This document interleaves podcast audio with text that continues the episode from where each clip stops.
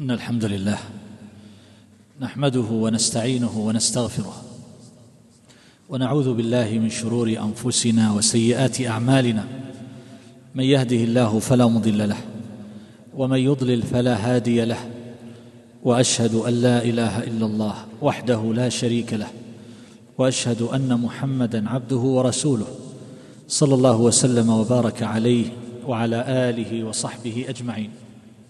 أما بعد ففي هذه الليلة نتحدث عن المثل الرابع من الأمثال التي ضربها الله تبارك وتعالى في سورة البقرة في باب النفقات.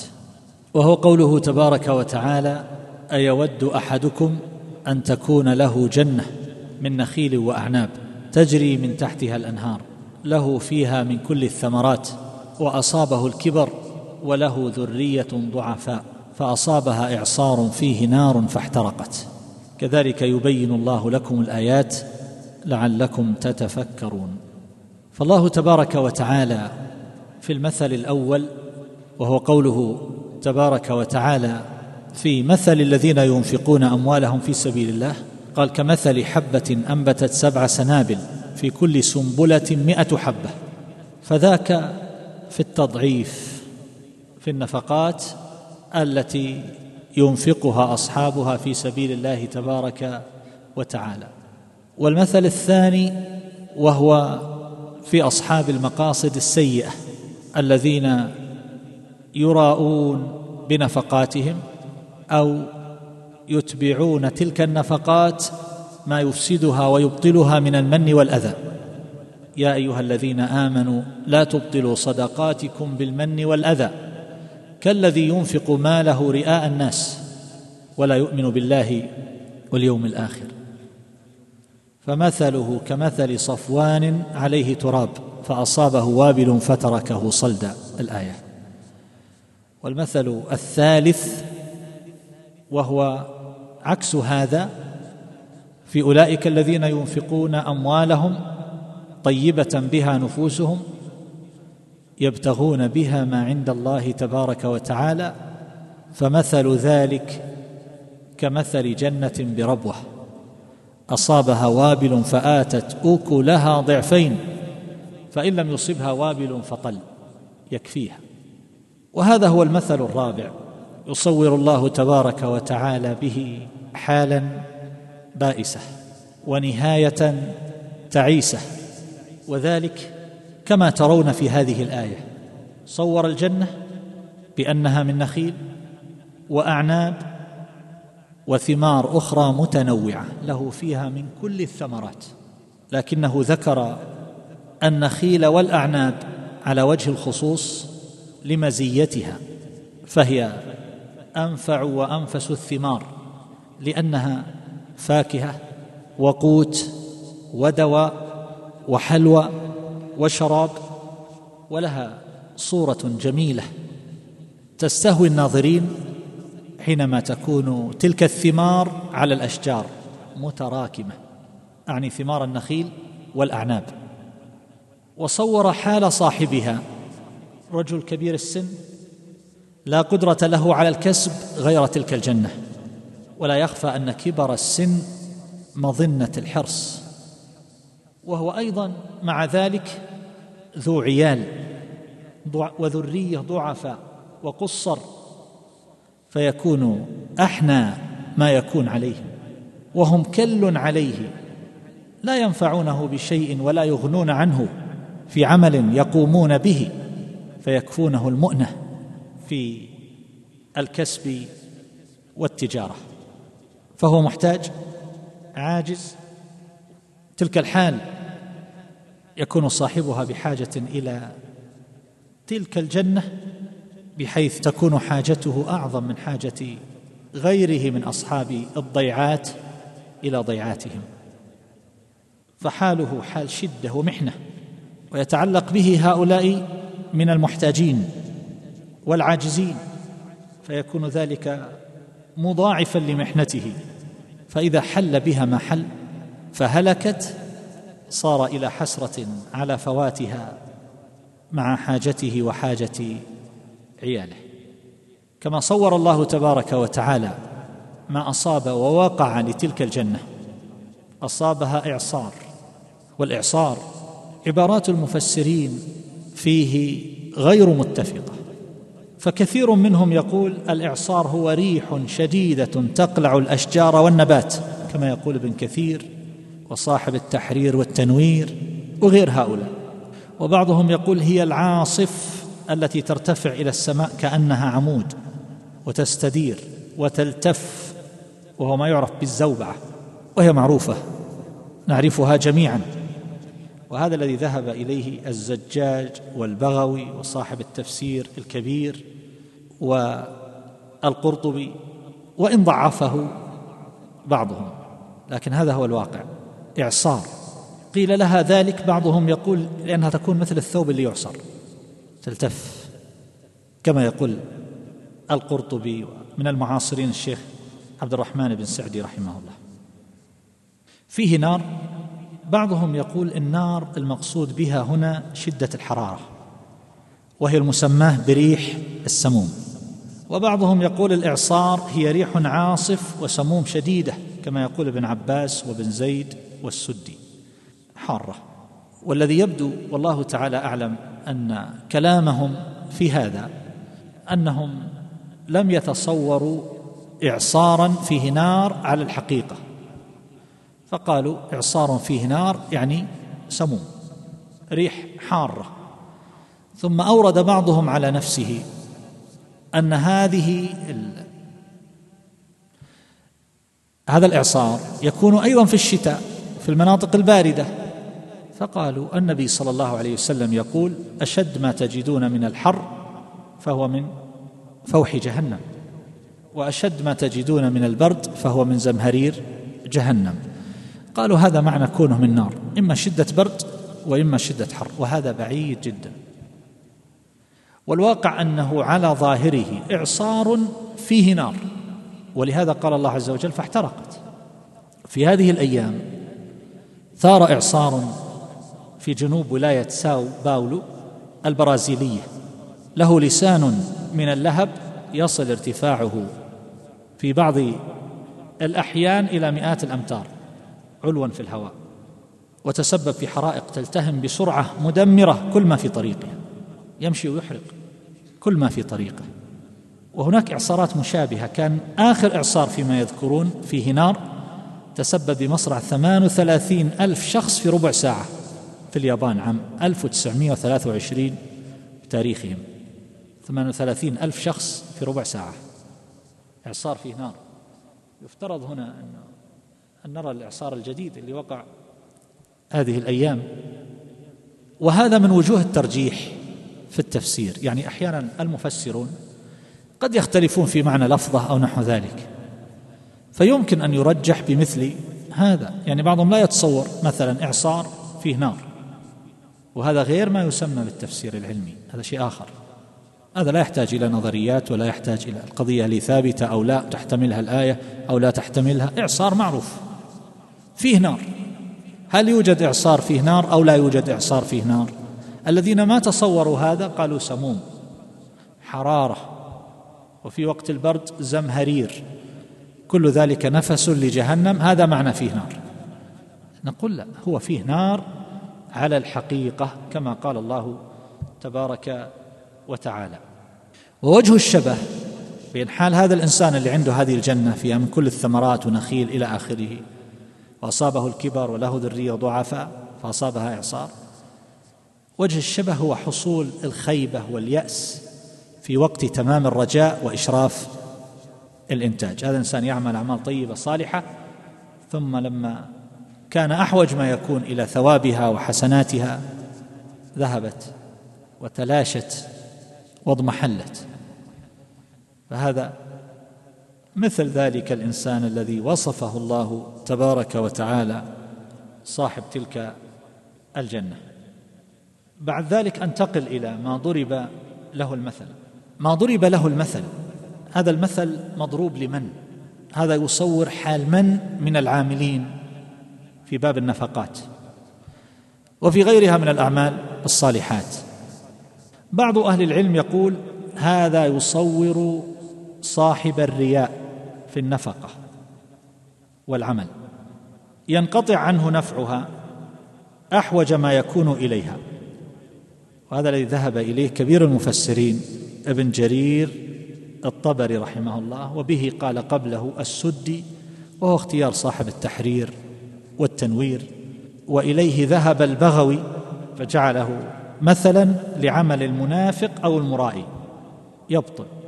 فإذا جاء يوم القيامة لم يجد شيئا من هذه الأعمال التي كان يرائي فيها فالعمل في ظاهره وصورته في الحسن مثل تلك الجنة التي فيها من كل الثمرات. نفقات وبذل وحسنات وأعمال طيبة في الظاهر.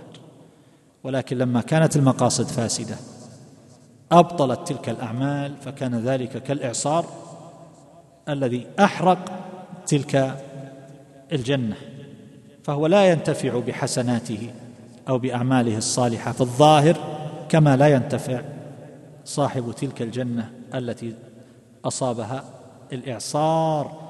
الذي فيه فيه النار نسأل الله تبارك وتعالى العافية. تفضلوا شوفوا هذا الإعصار.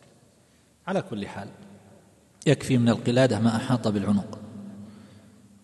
أنتم رأيتم هذا الإعصار الناري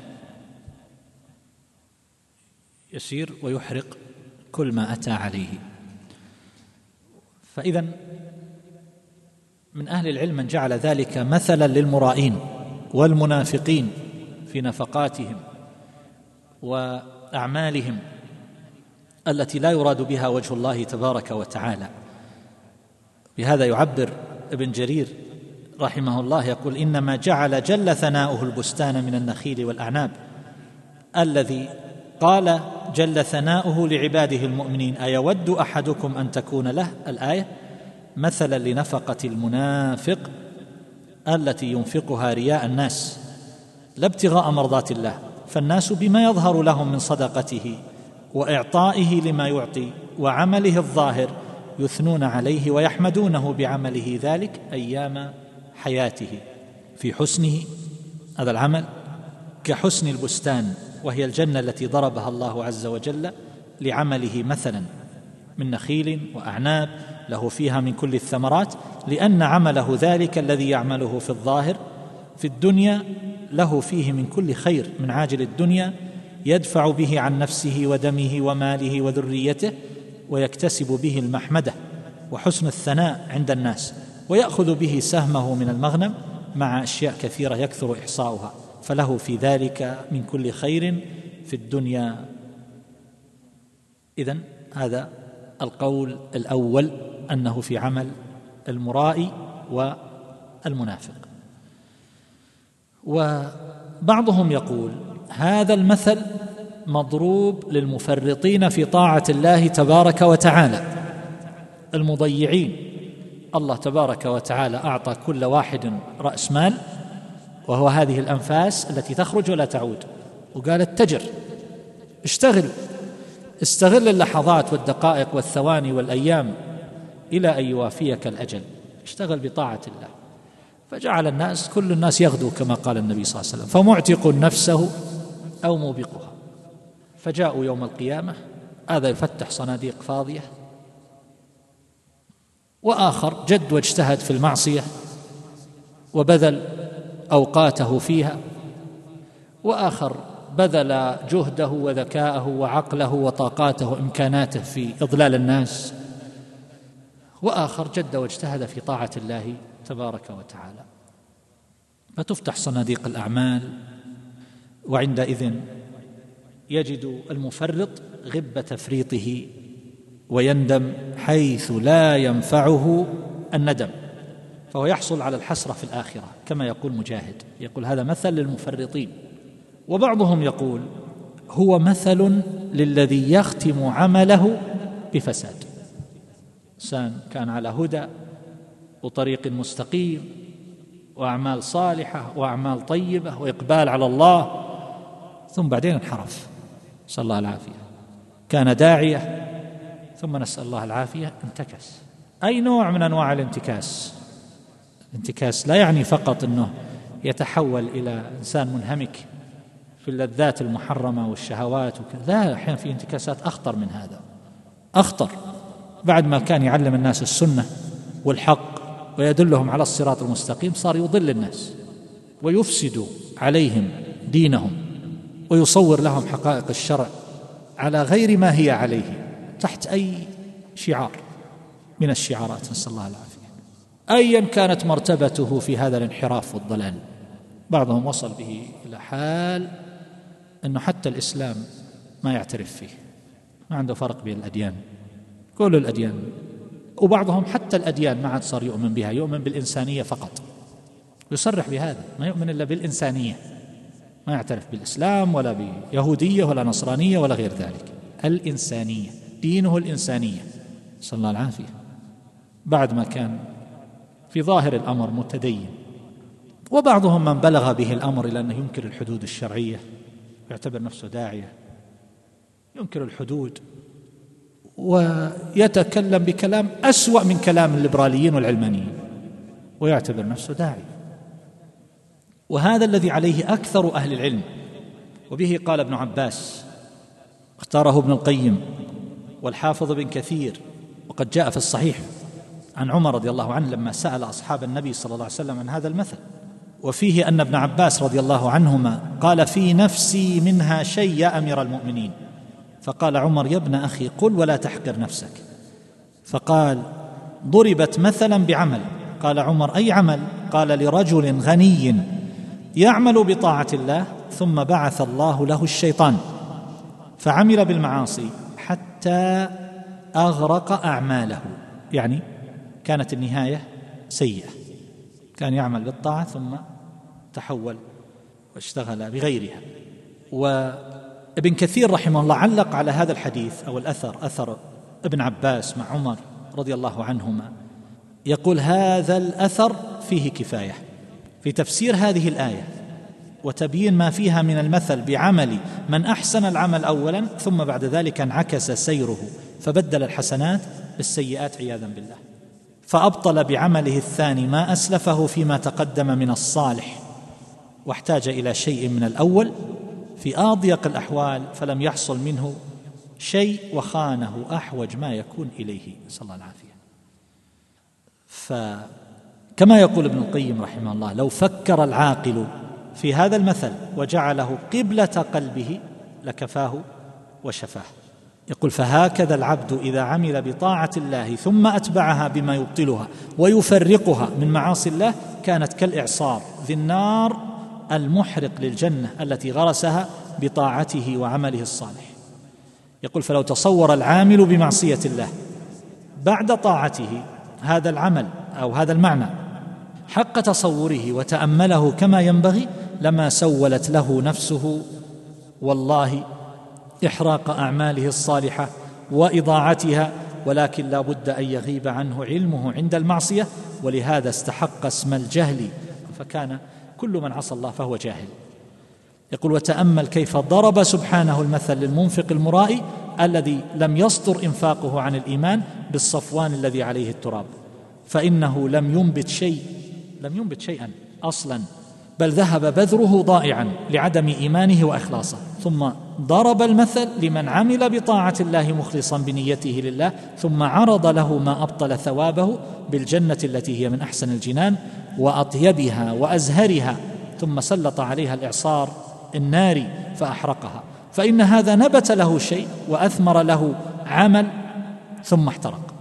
والأول لم يحصل له شيء يدركه الحريق الصفوان ما ظهر له نبت أصلا.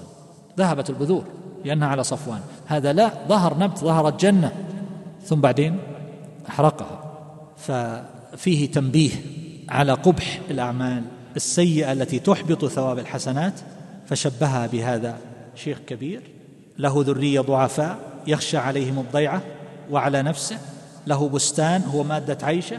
ما في مؤنة كثيرة تجري من تحته الأنهار ما يحتاج سقي ولا حفر آبار ولا دواب لاستخراج الماء وإنما تجري من تحت أشجاره الأنهار. قضى العمر في غرس أشجاره وتنميته. ثم بعد ذلك لما صار في حالة من الكمال والرجل في حالة من الضعف ذهبت زهرة شبابه وصار إلى العجز والشيبة. نسأل الله العافية.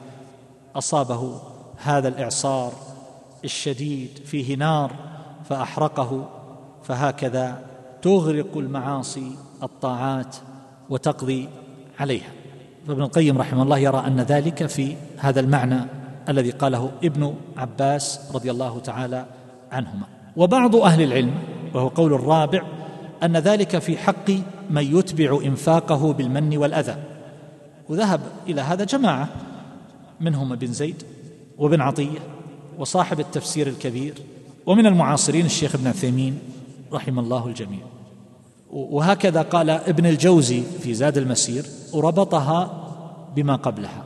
لا تبطلوا صدقاتكم بالمن والأذى كالذي ينفق ماله رئاء الناس. فنبههم على الحال أيود أحدكم أن تكون له جنة إلى آخره.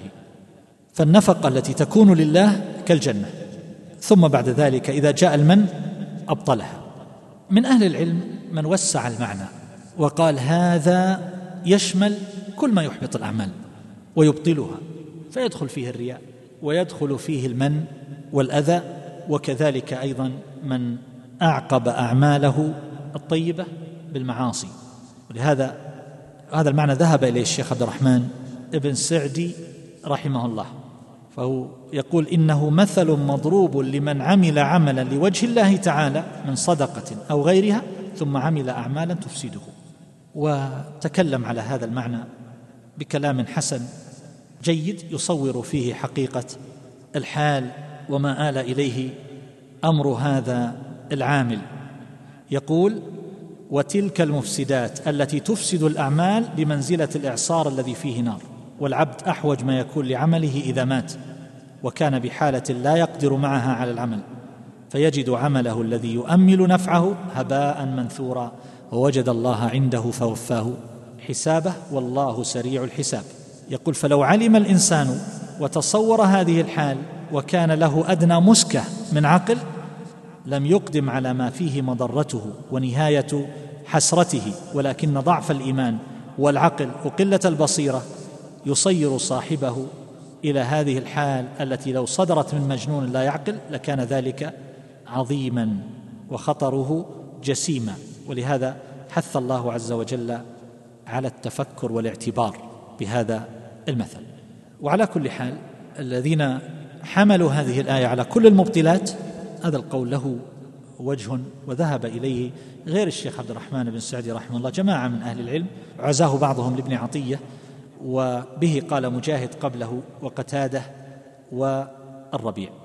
أعمال يراد بها وجه الله ثم جاء ما يبطلها. ما نقول هذا من البداية للمرائي لا وإنما لما يحصل. فيمكن أن يحصل التسميع بعد ذلك يعني عمل عمل طيب ثم بعد ذلك سمع به فأبطله. أو حصل المن. أو إنسان كان يعمل بطاعة الله عز وجل ثم حصل له انتكاسة وصار يشتغل بمعصيته. يقول الحسن البصري رحمه الله هذا مثل قل والله من يعقله من الناس. شيخ كبر ضعف جسمه وكثر صبيانه أفقر ما كان إلى جنته. وإن أحدكم والله أفقر إلى عمله إذا انقطعت عنه الدنيا. هذا الكلام على المثل وهنا كلام للحافظ ابن القيم رحمه الله في إعلام الموقعين يتكلم على الأمثال السابقة ويربطها بهذا المثل بكلام متحد. أختم به. يقول شبه سبحانه نفقة المنفق في سبيله سواء كان المراد بها الجهاد أو جميع سبل الخير من كل بر بمن بذر بذرا فأنبت كل حبة منه سبع سنابل. اشتملت كل سنبل سنبلة على مئة حبة. والله يضاعف لمن يشاء فوق ذلك بحسب حال المنفق وإيمانه وإخلاصه وإحسانه ونفع نفقته وقدرها ووقوعها موقعها فإن ثواب الأعمال يتفاوت بحسب ما يقوم بالقلب من الإيمان والإخلاص والتثبيت عند النفقة وهو إخراج المال بقلب ثابت قد انشرح صدره بإخراجه وسمحت به نفسه وخرج من قلبه قبل خروجه من يده فهو ثابت القلب عند إخراجه. غير جزع ولا هلع ولا متبعه نفسه ترجف يده وفؤاده ويتفاوت أيضا بحسب نفع الإنفاق ومصارفه بمواقعه وبحسب طيب المنفق وزكاته.